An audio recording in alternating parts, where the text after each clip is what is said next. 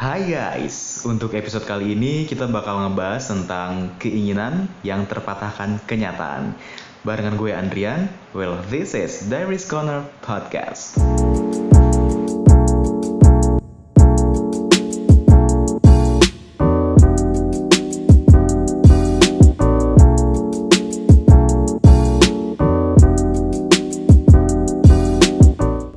Kali ini yang seperti tadi gue mention juga di awal bahwa kita bakal ngebahas putaran keinginan yang terpatahkan oleh kenyataan. Yang kita tahu juga kenyataan gak mudah untuk dilaluin dan setiap orang pasti juga punya keinginan tersendiri untuk menggapai sesuatu hal. Yang ditegaskan di sini adalah karir atau pekerjaan mungkin ya. Dan sekarang juga gue nggak sendirian, tapi ada kalian saya menemani. Halo kalian saya.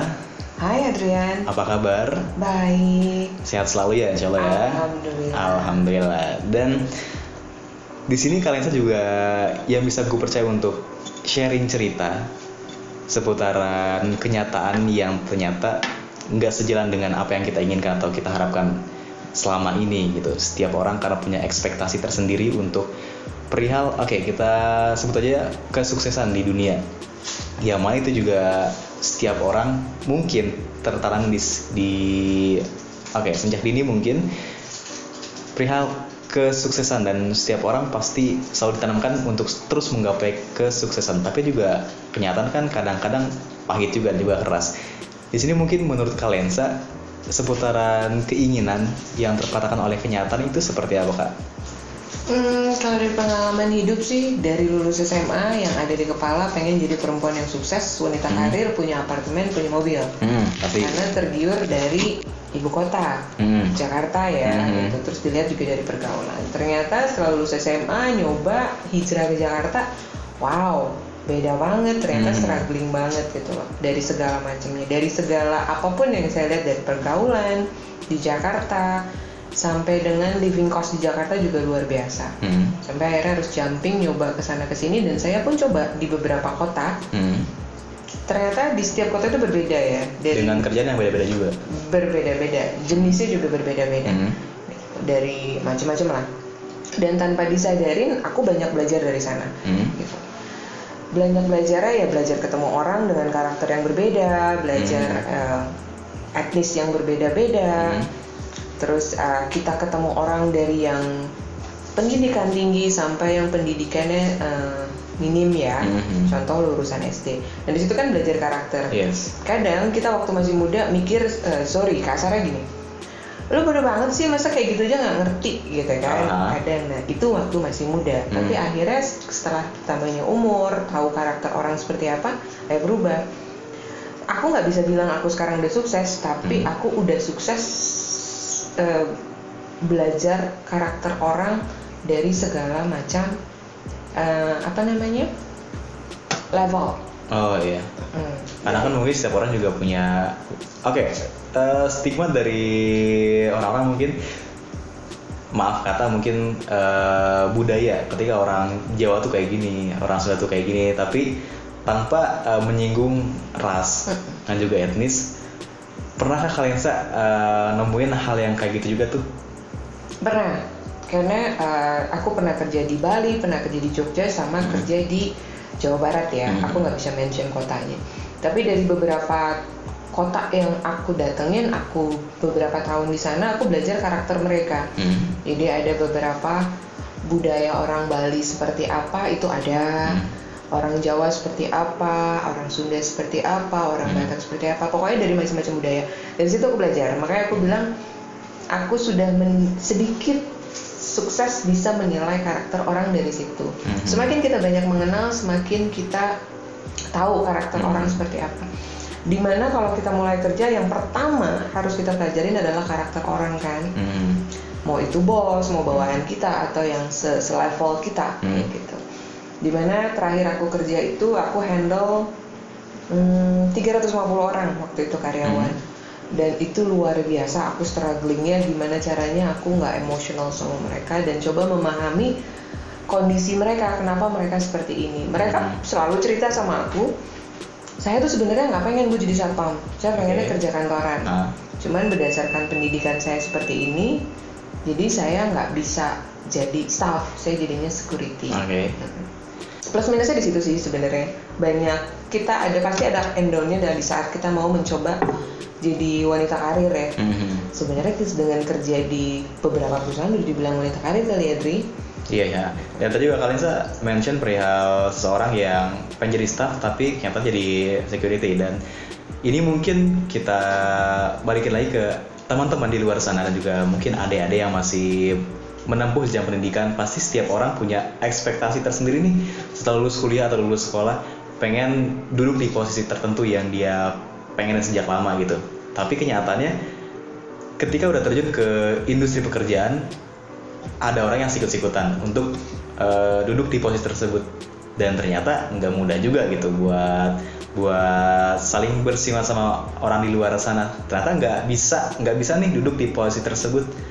Dan itu cara cara mungkin cara menanggapi ke diri sendirinya kayak gimana kita punya keinginan, punya ekspektasi, pengen punya jabatan yang tinggi atau Hmm. apa pun yang kamu inginkan itu boleh. Hmm. Anggap itu jadi pecutan supaya kamu bisa lebih maju ke depannya. Mhm. Tapi kita juga harus terima realita di mana kita bekerja di satu tempat tidak selalu apa yang kita inginkan. Mhm. Kita pengen punya bos baik, ternyata bos kita galak. Hmm. Kita pengen punya teman yang bisa diajak teamwork, ternyata tidak. Hmm. Nah itu kembali ke karakter.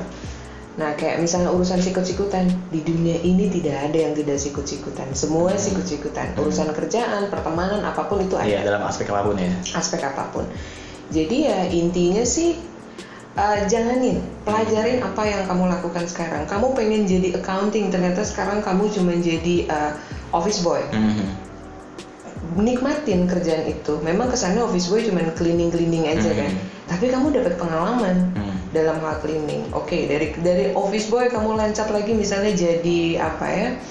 Hmm, chef misalnya jadi asisten chef. Kamu belajar lagi. Jadi segala sesuatu yang kamu pelajarin, kamu jalanin, kamu kerjakan, ambil poin pentingnya. Tapi kadang-kadang realitanya ketika kita kerja di suatu tempat yang mana bukan apa yang kita harapkan atau bukan passion kita gitu. Kayak ngelakuinnya setengah hati tuh. Pernah nggak sih kalian ngalamin sesuatu yang kayak gitu juga kayak duduk di satu posisi tapi nggak bener-bener menikmati dan prosesnya seperti apa tuh? Luar biasa menyebalkan sebenarnya. Nah, pasti pasti. Pasti.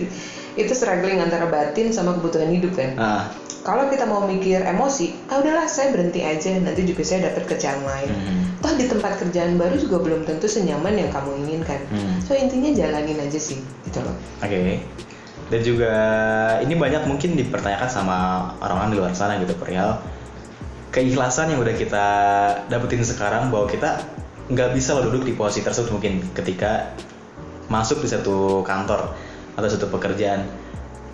Dan jadi pertanyaan gimana sih untuk bisa untuk bisa oh ya udahlah kita terima aja apa yang dijalanin sekarang apa yang dihadapin sekarang tapi semua orang juga mungkin masih kekeh ibaratnya kekeh pengen gue pengen tetap ada di posisi itu nih pengen ada di posisi yang gue inginkan sejak lama tapi kenyataannya bahwa mungkin kayak potensi dia masih belum mencukupi ke hal itu mungkin lebih tepatnya mengikhlaskan Kalau saya percayanya seperti ini. Di mana kita ada kemauan, di situ ada kesempatan kesempatan. hmm.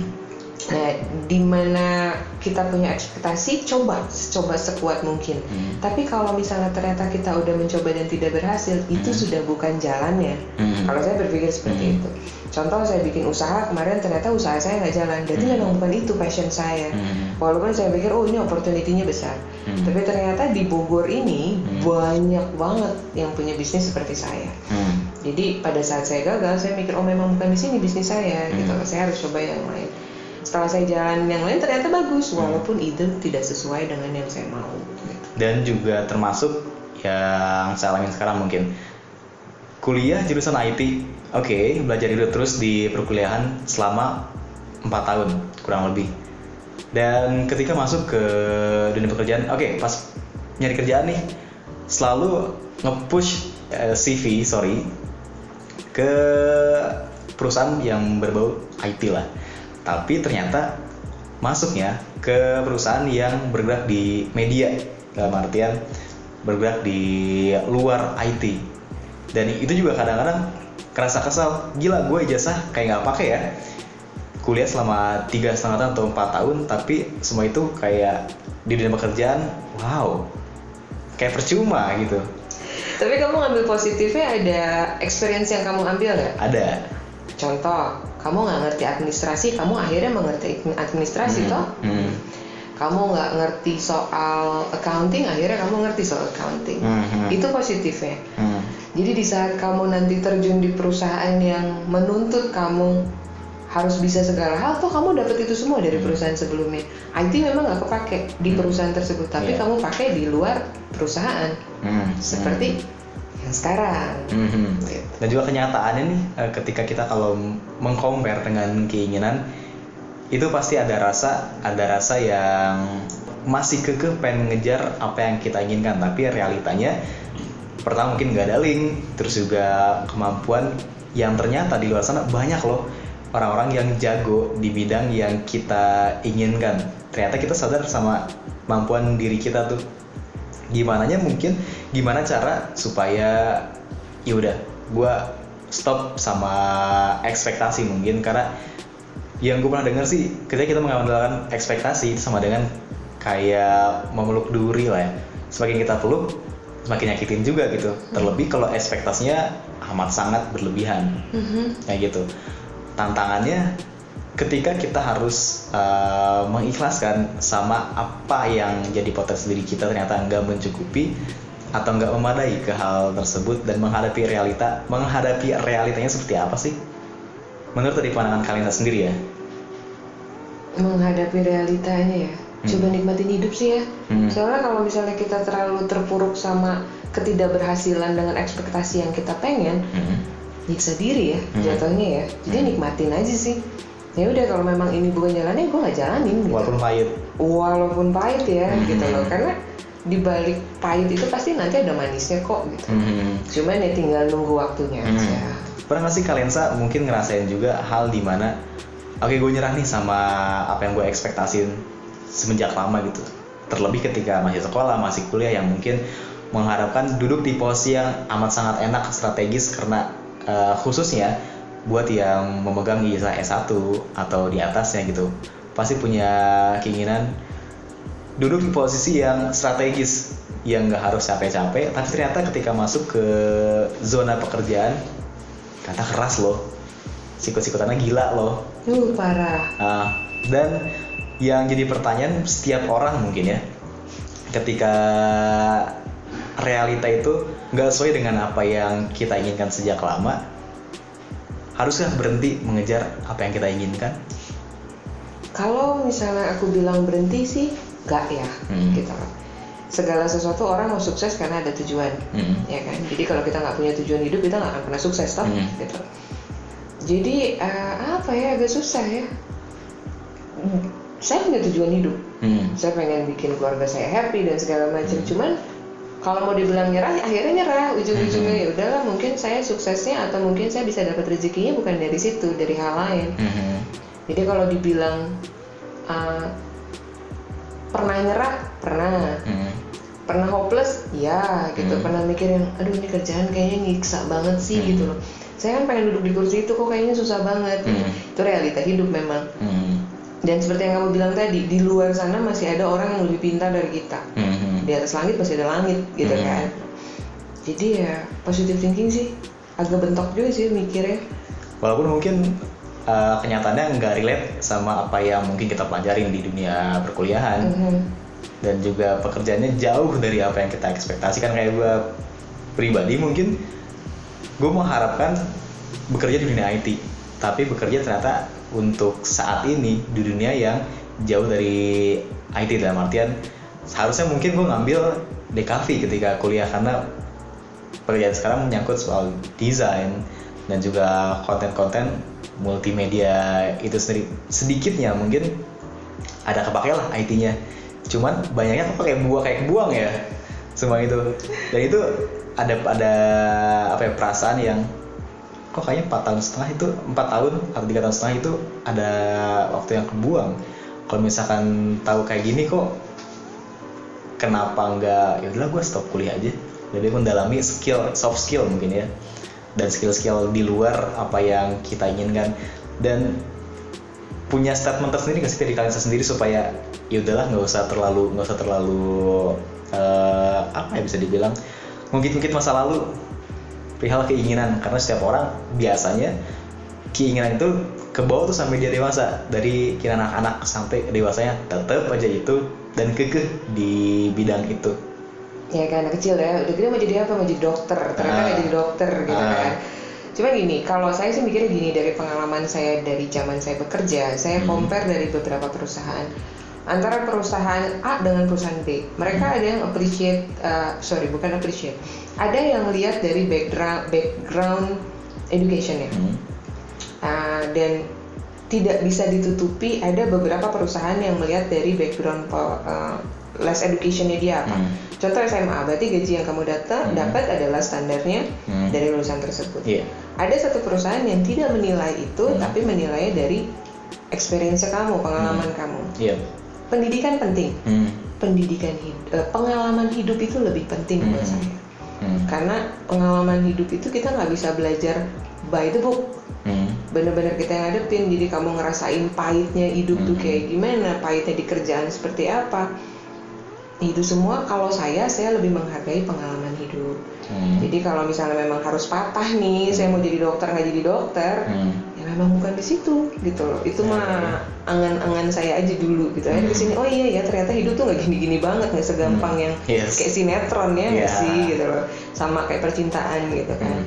jadi kalau Adrian tadi bilang "Hmm, saya punya uh, backgroundnya educationnya IT kuliah ternyata kamu nggak itu terus kamu menyesali kenapa mesti Hmm. ngambil IT kan kamu nggak pernah tahu ke depannya kamu bakalan seperti Hmm. apa iya kan Yes. Nah sekarang contoh kamu bikin kayak sekarang, apa pernah ada kepikiran sebelumnya? Kan tidak. Iya. Datang berdasarkan pengalaman apa yang kamu temui di lapangan. Yes. Itu Berarti semuanya belajar dari pengalaman juga. pengalaman hidup pak. Hmm. Dan mungkin dari kalian sendiri ada statement khusus perihal ternyata kenyataan itu nggak sesuai dengan apa yang kita inginkan. Intinya kalau aku eh, aku hidup umur berapa tahun ya sekarang ya? 37 sorry. Sekarang 37 tahun, kan lupa mau umur sendiri. Intinya nikmatin hidup. Ah, Do what you have to do as long as positive. Hmm. Gitu.